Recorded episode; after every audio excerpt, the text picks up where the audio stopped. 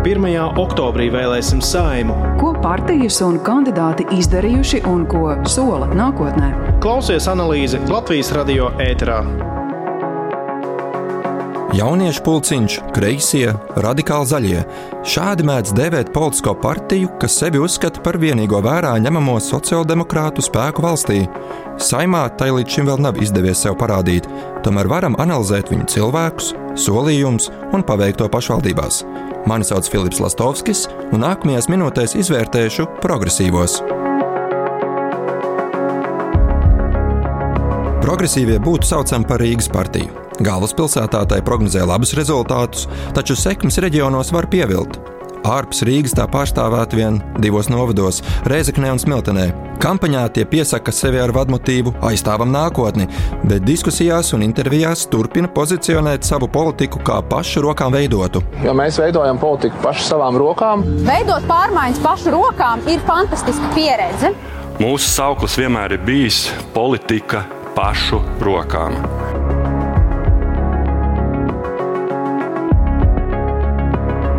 Te gan saredzamas pretrunas. Progresīvie vēlēšanām pieteikuši 115 kandidātus, tomēr, lai to paveiktu, ar pašu aptuveni 800 biedru rokām bijis par maz. Viņa vēlētāju balss izvejo ar mēdījos redzamām personām, kas partijā nav iestājušās.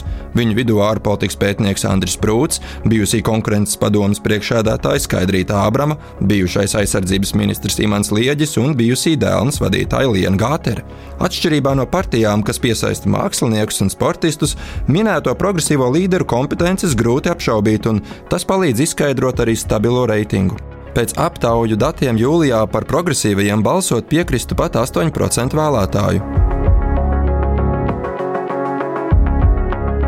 Turpinot par cilvēkiem, Progresīvie premjeru amatam izvirzījuši ilgadējo Real Baltica un Air Baltica vadības pārstāvi Kasparu Briškenu. Mēs esam pārliecināti, ka mēs būsim nākamajā saimā, ka mēs būsim daļa no nākamās koalīcijas, uzņemsimies atbildīgi par svarīgām ministrijām. Ambiciozs, bet politikā maz pieredzējis, Briškens jau dabūjis skaidroties par iespējamo sastrādāšanos ar saskaņu, līdz beigās šādu iespēju tomēr skaidri izslēdzis, sakot, ka ar saskaņiešiem Latvijas Krievijas Savienību un demagoģiskām populistu partijām koalīcijā kopā neietu. Progresīvo finanšu ministra amata kandidāts ir publicists un antropologs Andris Šuvājevs. Viņš kampaņas ietvaros klauvējas pie rīznieka durvīm, aicinājis aprunāties. Visticamāk, to spiež darīt plānais partijas naudas maksas. Lai arī partijai netrūks dāsnu ziedojumu no partijas valdes locekļu Antoninas Ņaņaševas un Janas Simonovskas dzīvesbiedriem, kā arī uzņēmumu draugiem īpašnieka Agra Tamaņa, tomēr publiskotie kampaņas izdevumi līdz augusta vidum progresīvajiem bijuši vien ap pusotru tūkstotu eiro. Iepratīm simtiem tūkstošiem, ko šajā laikā iztērējusi viena otra varas partija. Uz saimu startē arī septiņi Rīgas domnieki, no kuriem viens Rīgas satiksmes autostāvvietu skandāla izgaismotājs Māris Mičerevskis kļuva par progresīvo atbalstītāju pēc izstāšanās no partijas Latvijas attīstībai.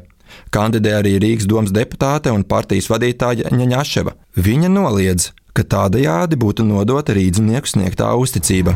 Es domāju, ka divi gadi ir arī pietiekams laiks, lai nu, teiksim, izdarītu to, ko tu vari izdarīt tajā līmenī. Jo to, ko esmu solījusi arī saviem vēlētājiem, es arī apzinos, ka es nevaru vienkārši visu to panākt tajā pašvaldības līmenī. Līdz ar to, lai tiešām nepieviltu to vēlētāju, man ir jāiet tālāk. Ņaņāševas politiskais CV sakņojas saskaņas tuvumā kur viņa vadīja jauniešu organizāciju un piedalījās vairākās vēlēšanu kampaņās.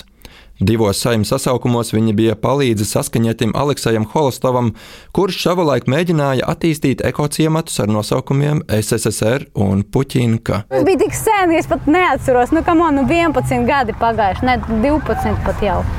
Nu, tā kā tas Te jāpiebilst, ka Ņaņāševa saskaņu pameta vēl pirms Krimas okupācijas, ir norobežojusies no tās un saskaņai vietu valdībā neredz. Manā izpratnē ir mainījies, man liekas, no 2014. gada, noteicīgi, kad pa īstam karš ir sācies 14. gadā Ukrainā. Un, uh, nu, tā viņu pozicionējums bija tik arī neskaidrs. Un, nu, tu saproti, ka īsti viņi nav. It kā viņi sevi pozicionējuši kā tādi, nu, varbūt ne Latvijas patrioti, tikai vēl nu, iestājoties par mazākumu tautībām, kas ir ļoti svarīgi, manuprāt, par uh, iestāties par mazāk aizsargātu grupu vai, ne, vai mazākumu tautību vai cita veida Bet tad man kļuva skaidrs, ka tas ir nu, tāds drīzāk viņi vienkārši mēģina nosēdēt tur uz kaut kādiem abiem krēsliem. Viņi mēģina paņemt gan to kā elektorātu, nu, kas balso par viņiem, kā par nezinu, Krievu partiju un tā tālāk.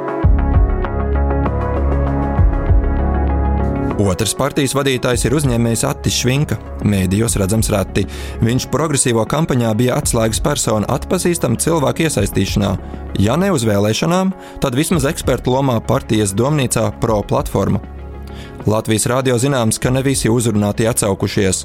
To vidū arī bijusī satversmes tiesas priekšādātājs Sanita Osipova, kura nevēlas doties politikā un kurai nebija pa ceļam ar partijas kreisi noskaņoto politiku. Viņi aicināja cilvēkus, kas ir nu, varētu teikt, domas līderi vai profesionālie līderi. Viņi uzklausīja, un viņiem bija jautājumi, kā būtu labāk, un kaut kur viņi man klausījās manus viedokļus, kaut kur viņi man varbūt nepiekrita, un mēs pastrīdējāmies. Nu, piemēram, man bija, es atceros tādu sarunu par to, kad um, nekustamā īpašuma nodoklis un ekonomikas izaugsme. Nu, un es saku, ka ekonomikas izaugsme nav pašmērķis. Ekonomikas izaugsmē ir jābūt, lai cilvēkam ir labklājība, nevis vienkārši lai cipari iet uz augšu. Tikmēr savu lomu progresīvajos nostiprinājis Edgars Lapsvīrs, kurā partija saskatījusi nākamo veselības ministru.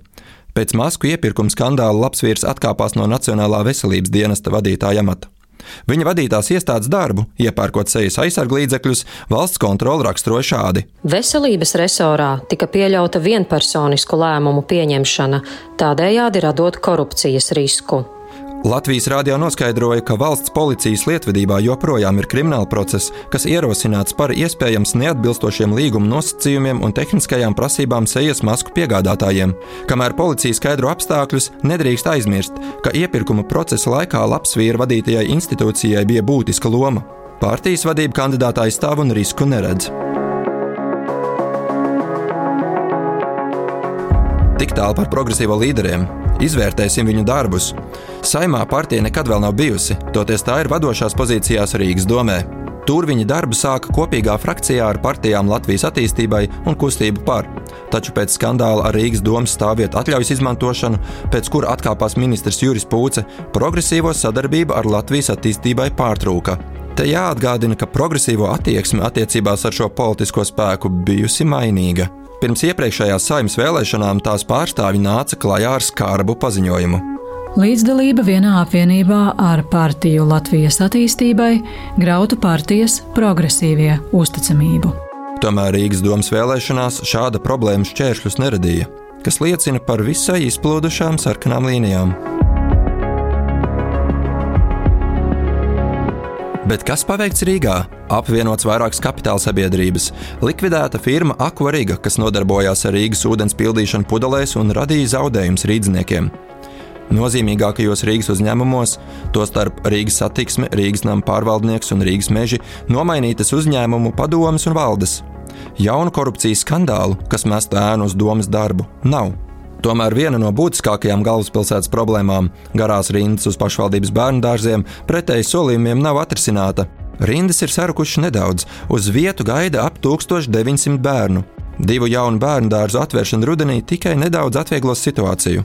Vēl progresīvie pirms Rīgas domas vēlēšanām solīja kopā ar valdību uzbūvēt laikmetīgās mākslas muzeju. Šobrīd projekts iestīdzis finansējuma trūkuma dēļ. Viņi arī saņēmuši pārmetumus par koku stāvokli pilsētvidē un nepārdomātiem risinājumiem velo un auto satiksmes miedarbībā. Satiksmes jautājumos partija ierast lūdz vērsties pie kolēģiem no jaunās vienotības, lai gan programmā tika solīti šīs jomas uzlabojumi. Solījumos uz saimnes vēlēšanām progresīvie tik konkrēti nav. Viņi laicīgi atrunājuši, ka ne visus mērķus būs iespējams sasniegt četros gados. Tas vēlētājiem traucēs izsekot solījumu izpildēji. Savas programmas priekšplānā progresīvie izvirza enerģētikas krīzes pārvarēšanu. Solīts arī investīcijas cilvēkos, pārēju uz Latvijas dabas energoresursu plašu izmantošanu un saliedēta sabiedrības veidošana. Daudz runāts par zaļo kursu bet viens no konkrētākajiem solījumiem skan šādi: Vienlaikus būtiski uzlabojot veselības sistēmas efektivitāti, progresīvie ikgadu veselības budžetu palielinās vismaz par 0,5% no Latvijas iekšzemes koprodukta, līdz tas sasniegs 8%. Lasot programmu, gan netop skaidrs, kā to panākt, ja vienlaikus par vispārēju nodokļu celšanu programmā nav runāts. Tieši otrādi - darba spēkam solīts progresīvs nodokļu samazinājums.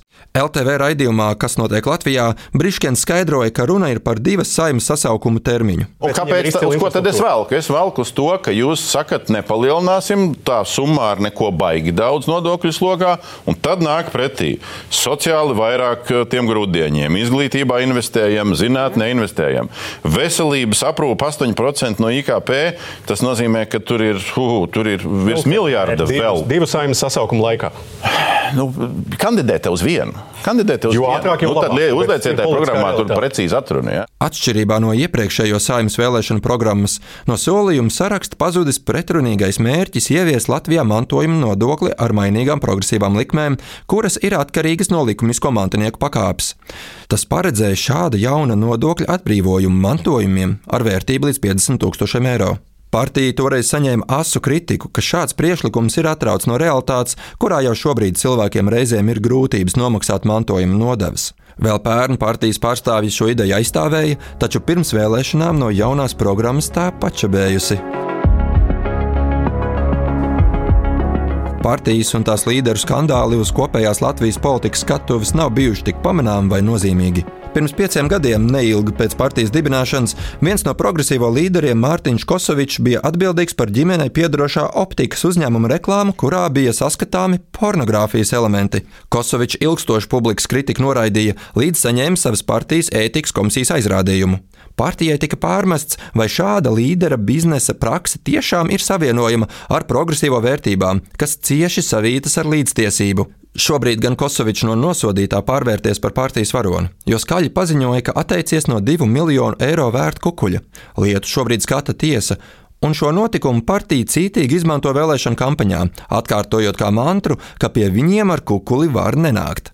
Vēl arī jāatgādina, ka tikai dienu pēc ievēlēšanas Rīgas domē Antoņina Ņaņāševa sniedza interviju oficiālajai Kremļa ziņu aģentūrai, kurā paudusi, ka piemineklis uzvaras parkā paliks savā vietā, kā arī uzsvērusi, ka jaunais Rīgas mērs ar iedzīvotājiem ir gatavs runāt krieviski. Tagad viņa skaidro, ka karš Ukrainā mainīs situāciju ar pieminekli, un tam ir jāpazūd. Krievijas mēdīja publikācijai viņa aicina neticēt. Neticiet tam, ko raksta Krievijas mēdī.